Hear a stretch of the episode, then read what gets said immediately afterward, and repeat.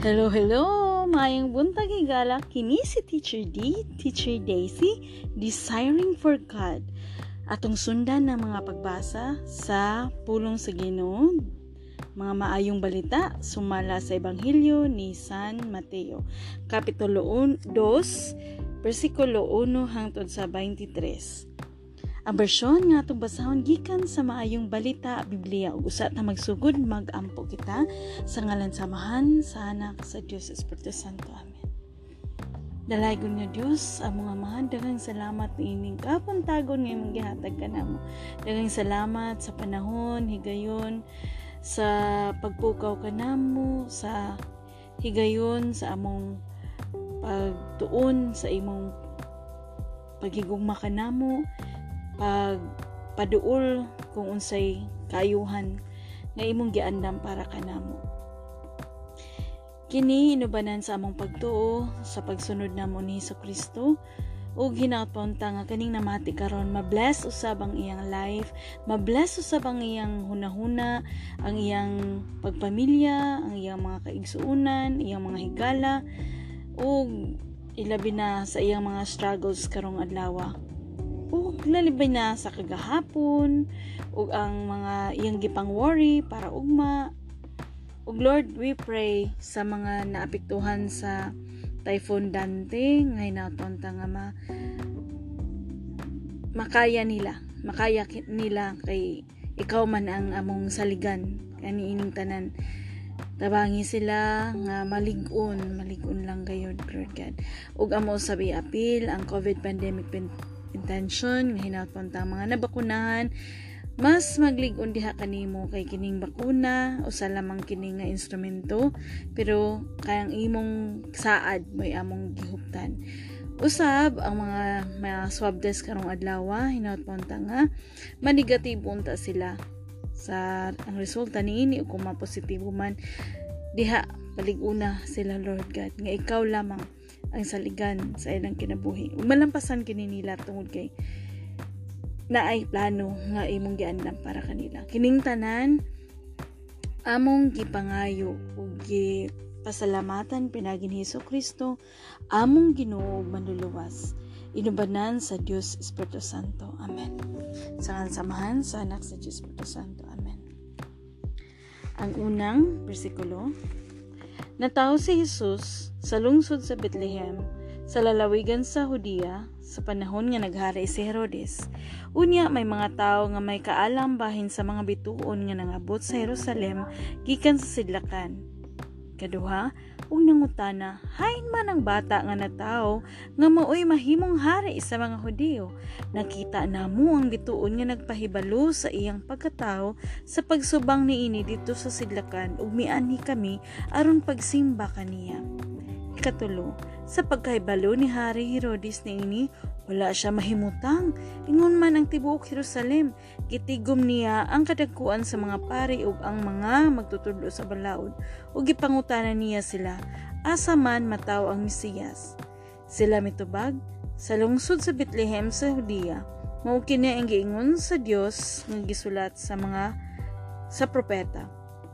Kaunom ikaw Bethlehem sa yuta sa Huda, dili ka labing ubos sa mga dagkong lungsod sa Huda kay magikan kanimo ang usa ka pangulo nga mo'y magmando sa akong katawhan ang Israel.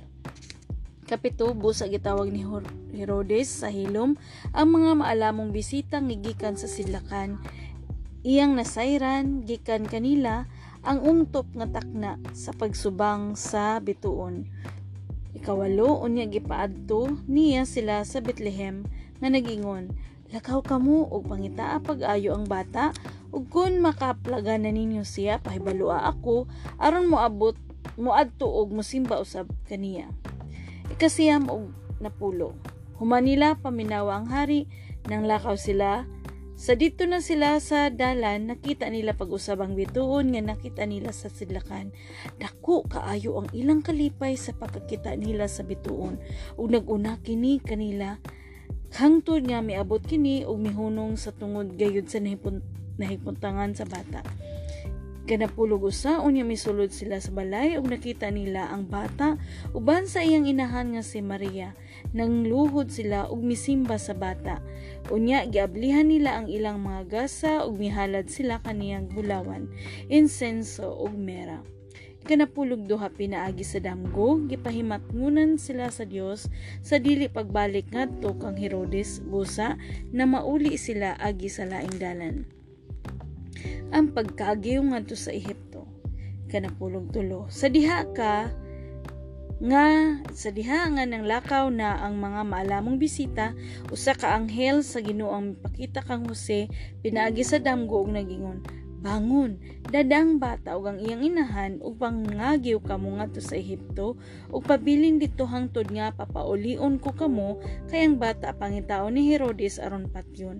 Busa mibangon si Jose gidala niya ang bata ug ang inahan ug mikagiw sila di adtong gabihuna padulong sa Ehipto Nagpabilin sila dito hangtod nga namatay si Herodes. Nahitabo kini aron matuman ang giingon sa Ginoo pinagi sa propeta. Gitawag ko ang akong anak gikan sa Ehipto. Ikapa, gipamatay ang mga bata kanapulog unom. Sa pagkamatno ni Herodes nga nalingla siya sa mga bisita hilabihan gayon niyang sukua. Unya misugo siya nga pamatyo ng tanang bata nga lalaki nga nagpanuigon gikan sa duha ka tuig ug ubos nga dito sa Bethlehem ug sa mga dapit nga kasikbit.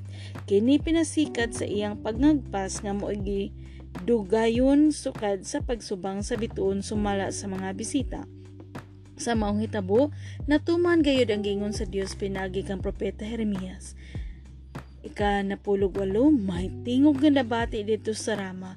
Usa ka mapait nga mag pagminatay ug pagbangutan naghilak si Raquel tungod sa iyang mga anak walay makahupay kaniya kay patay naman sila ang pagpauli gikan sa Ehipto ikanapulog siya. Sa patay na si Herodes usa ka anghel sa Ginoo ang mipakita. Kang Jose dito sa Ehipto pinagi sa damgo bangon dada ang bata ug ang iyang inahan ug balik ngadto sa uyuta sa Israel kay patay na ang nagtinguha pagpatay sa bata. Matod sa anghel busa mibangon si Jose ug gidala niyang bata ug ang inahan ug namauli sila sa yuta sa Israel. Apan sa pagkadungog niya nga si Arkelo na ang naghari sa Hudiya puli kang Herodes nga iyang amahan nahadlok si Jose pag-ayo didto. Unya gipahimangnuan na usab siya sa Ginoo pinaagi sa damgo busa miadto siya sa lalawigan sa Galilea. Ug mipuyo sa usa ka lungsod nga gihanlag Nazaret nahitabo kini aron matuman ang gingon sa mga propeta. Siya pagailhong taga Nazaret Mao kini ang pulong sa Ginoo. Um, hi. Mayong buntag kanimo higala. So, karon natay tulo ka puntos nga atong i um murag atong istoryahan no. Atong ang una nga punto about sa bituon, ikaduha ang propeta, mga propeta, tapos ikatulo anghel o ang damgo nya or ang gipadamgo sila sa Ginoo. So, narita sa mga bituon, mga simbolo, no? Na mga simbolo nga gihatag ang Ginoo kung unsay timailhan nga ang iyang anak mataw dinhi sa kalibutan. Ang atong Ginoo nga amahan na si Hesus Kristo na itimailhan sa iyang pagkatao. Mga usab ang akong ilambigit usab kini nato sa atong pagtuo. Kin naapod tay mga simbolo nga makita nato sa atong kinabuhi nga haduol ba kita o halayo sa Ginoo? No, unsay mga timailhan nato? Ikaw giunsa man nimo pagsimba ang Ginoo. Kay di ba ang mga ang mga maalamon dinhi no? Butang nato diri sila mga uh, may tao nga may kaalam bahin sa mga bituon. Bituon ang ilang kaalam um, ikaw isip ka ng kita no nagtuo man taning Hesus Kristo giunsa man nimo siya pagsimba. Kay diba ang atong Ginoo ang daghang tao namita ni ani nga kalipay unsa nga pamaagi ang atong pagsimba kaniya karon ikaduha na tong puntos mga propeta uh, katumanan sa mga propeta. Puhon o mahuman nato ning kanang uh, bagong kasabutan or New Testament mo basa ta nga sa mga propeta nga gisugyot dinhi kinsay nagistorya ni ani. More or less kani nga mga propeta duha lang gyud ang ako ikakuan ni ani kani si Isaiah ug si Jeremias. Oo. So tigam na nato nga ang mga propeta nga gisaligan sa Ginoo. Nagpakita og timailhan kung unsay mga kasuguan unsay mga makitaan unsay mga hiyas nga masadang nga ma ikakumparar or mga karakter nga pwede natong basihan nga nganong siya man gyud ang giingon nga Mesiyas nganong siya man ang giingon nga anak sa Ginoo nganong siya man ang gitawag nga anak nagikan sa Ehipto tapos ang diasa siya pagailhong taga Nazaret tapos, ang katong giingon nga, Oo, mga inana nga mga tapos dire sa Bethlehem. Oo, may magmando sa akong katawhan. Sa Bethlehem kay si Jesus na tao sa Bethlehem. Tapos dito sa Ehipto ingat to sila sa iyang mga ginikanan kay patyon man lagi sila ang bata sa ni Haring Herodes. Tapos sing balik sila na hitabo nga dito na nag nagkuan nagtubo si atong Ginoong Hesus Kristo sa Nazaret. So, three places, Bethlehem, Egypto, then Nazaret. Yan, nindot ni siya, nindot ni siya nga mga pagtulunan sa mga propeta, makapanlimbaw bawt sa balhibo kung kanang imo na ba yung namnamon ang ilang mga pulong. Bali imong usapon unsa kamat ka kuan sila ka close sa Ginoo nga padamguhon sila. Nga kani pud ha nga rita sa ikatulo nga gipadamgo. Oo. Ikaw kumusta? Gipadamgo na ba ka about kanang about para sa Ginoo nga na kay kanang timailhan nga mauni usay di ba kung mawadan ta sa atong kapamilya no suod sa atong pamilya pasama na ho nawadan ako sa akong mama. So nga gipadamgo ka. Bisan nga ni ka ng buhi pa sila makadamgo ka nila. Pero kanang lahi na gid kung tuan na sila sa laing kalibutan. Mm kalibutan sa mga patay nga makadamgo ka nila murag kanang lami kayo nga bation so kani siya usa, usa ka lami nga kinaiya nga padamguhon ka sa Ginoo. Di ba unsa ka amazing ang Ginoo sa ilang panahon? Pero kung imong mabantayan, kung ikaw pod mamati sa mga kanabitang mga channels nga talking about God, kaning channel ni um si tawagan ni naay title ni Z Ruth oo nga mag nag super uh, da nag title ng super nga ko ang title. Nya napaka ko imang gipang follow nga mga about Christians uh, story nga kanang nga nagpakita through dreams. Pero be careful pud tanya na kay usahay kaning dreams gamiton pud ni sa daotan. So kung maayo maayo pud ang resulta di ba? So kung naay maayong plano maayong uh, pagiya mamaayo pud ang tanan. Ka na feeling nyo ang kalipay? Ma-feel gyud ang kalipay nga makita nato nga ang Ginoo mismo. Naghatag og pamaagi. Kay kung kung wa pa to niya kanang wa pa to padamguha o magpabilin na gyud sila ngadto. Umaho man dayon ang story di ba? So namatay pud si Jesus Christ. Ato palang baby pa lang daan. Nga di ba? Kung kung baby pa lang wag sila umoy in town sa ilang panahon bisan pana, panahon si ni Moises. Oo katunga time si Moises usap po na siya sa product nga sa panahon nga gipamatay ang mga bata. Oo. Kay naagyo na sa history nga kinahanglan kita sa atong pagtuo. Kinahanglan kuan gyud siya kanang i, i i-process gyud ang atong pagtuo. Do naagid tay panahon nga kanang mahuyang ta unya ang atong pagtuo. Kanang mubo pa no gamay pa nya kanang bibi pa lang kaayo nga naagid ta atong pagtuo pagsalig sa Ginoo.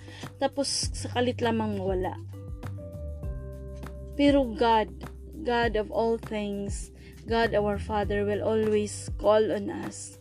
Kung asa gyud kay tinawag gayud niya ayaw ta kalimot nga mga binunyagan kita.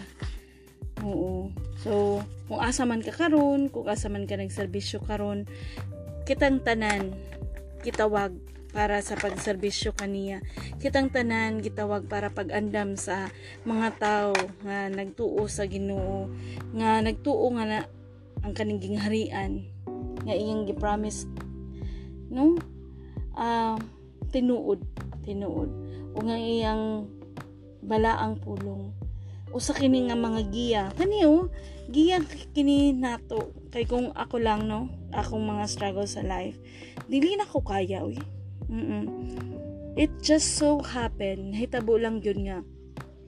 Someone told me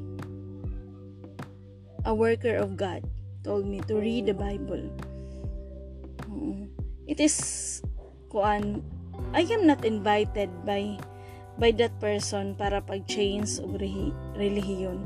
But he just told me, read your Bible. Oo. Nya ako, uh, manghinaot ko nga, sa yun aning pamaagi man lamang sa lawas sa ahong pagkaako, basin man lang na ay ma, makasabot, makaintindi, magdungan lang ta Oo, do na na ko'y mga nabasa about ni Ani, nauna na ko ni Ani. Oo, pero nindot lang gyud kay malahi lang gyud ang iyang experience kung another way. It is a continuous, it's everyday gyud na siya nga kuan.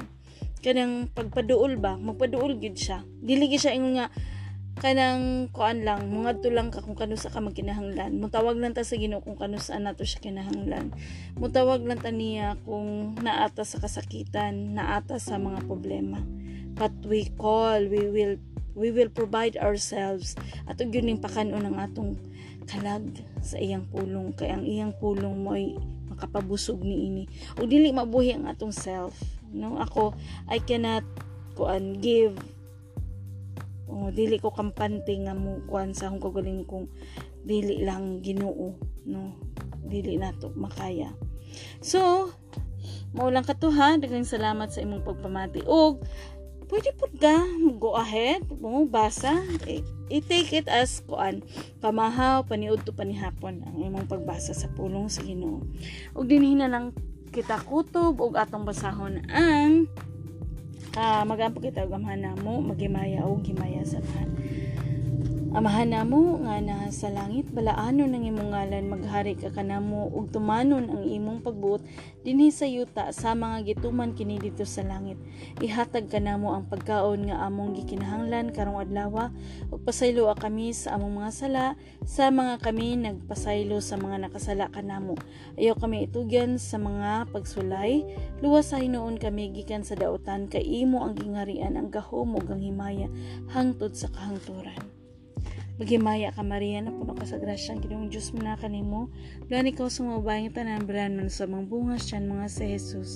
Santa Maria nan ka sa Diyos. Gampo mo kami makasasala. Karunog sa oras sa mong kamatay. Amen. Himaya samahan sa anak sa Diyos Espiritu Santo. May saslugdan karon sa gihapon sa mga katuigan nga walay katapusan nga tanan. Amen. Og atong subay uh, Sumayon kini. Repeat after me. Kay ako anak sa Dios Amahan. Pinagi kang Hesus Kristo. Akong Ginoo ug manuluwas inubanan sa Dios Espiritu Santo. Ako mahigugmaon. Ako may pagtuo. Ako may paglaom. Ako mapasayloon. Ako magmapasalamaton. Ako magmanggihatagon. Ako responsable sa istorya ako magmatumanon sa sugo ug ako magmadayigon kining tanan among gipangayo ug pasalamatan pinagi sa ngalan ni Kristo among Ginoo Amen. Sa samahan sana sa Espiritu Santo. Amen. Hala, thank you, thank you. Thank you very much sa imong pagpamati og padayon lang taha ugma. So, this is your teacher D, teacher Daisy, and aiming. Our goal is many will desire for God. Ug ikaw pod magpadayon pagpamati bahin sa Ginoo. Bye-bye. God bless.